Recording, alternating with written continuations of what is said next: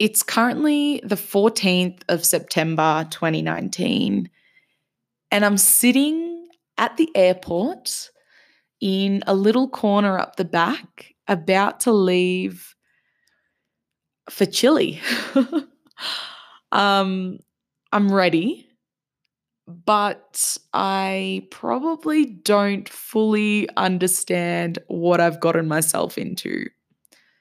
Much like everything I've done with my life thus far, I've always had a fake it till you make it attitude and uh, very much ignorance is bliss uh, outlook on life.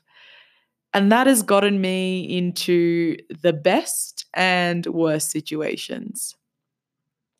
My aim for this trip is to work really hard, become clearer on what my business is, and create a clear strategy for that during my nine to five hours. Outside of those, I really want to focus on content creation and taking that seriously. And then on weekends, I'm ready to have fun. I want to have new experiences and just live my best life.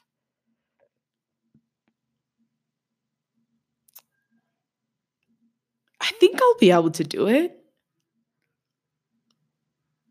I don't know. Fuck. What have I gotten myself into?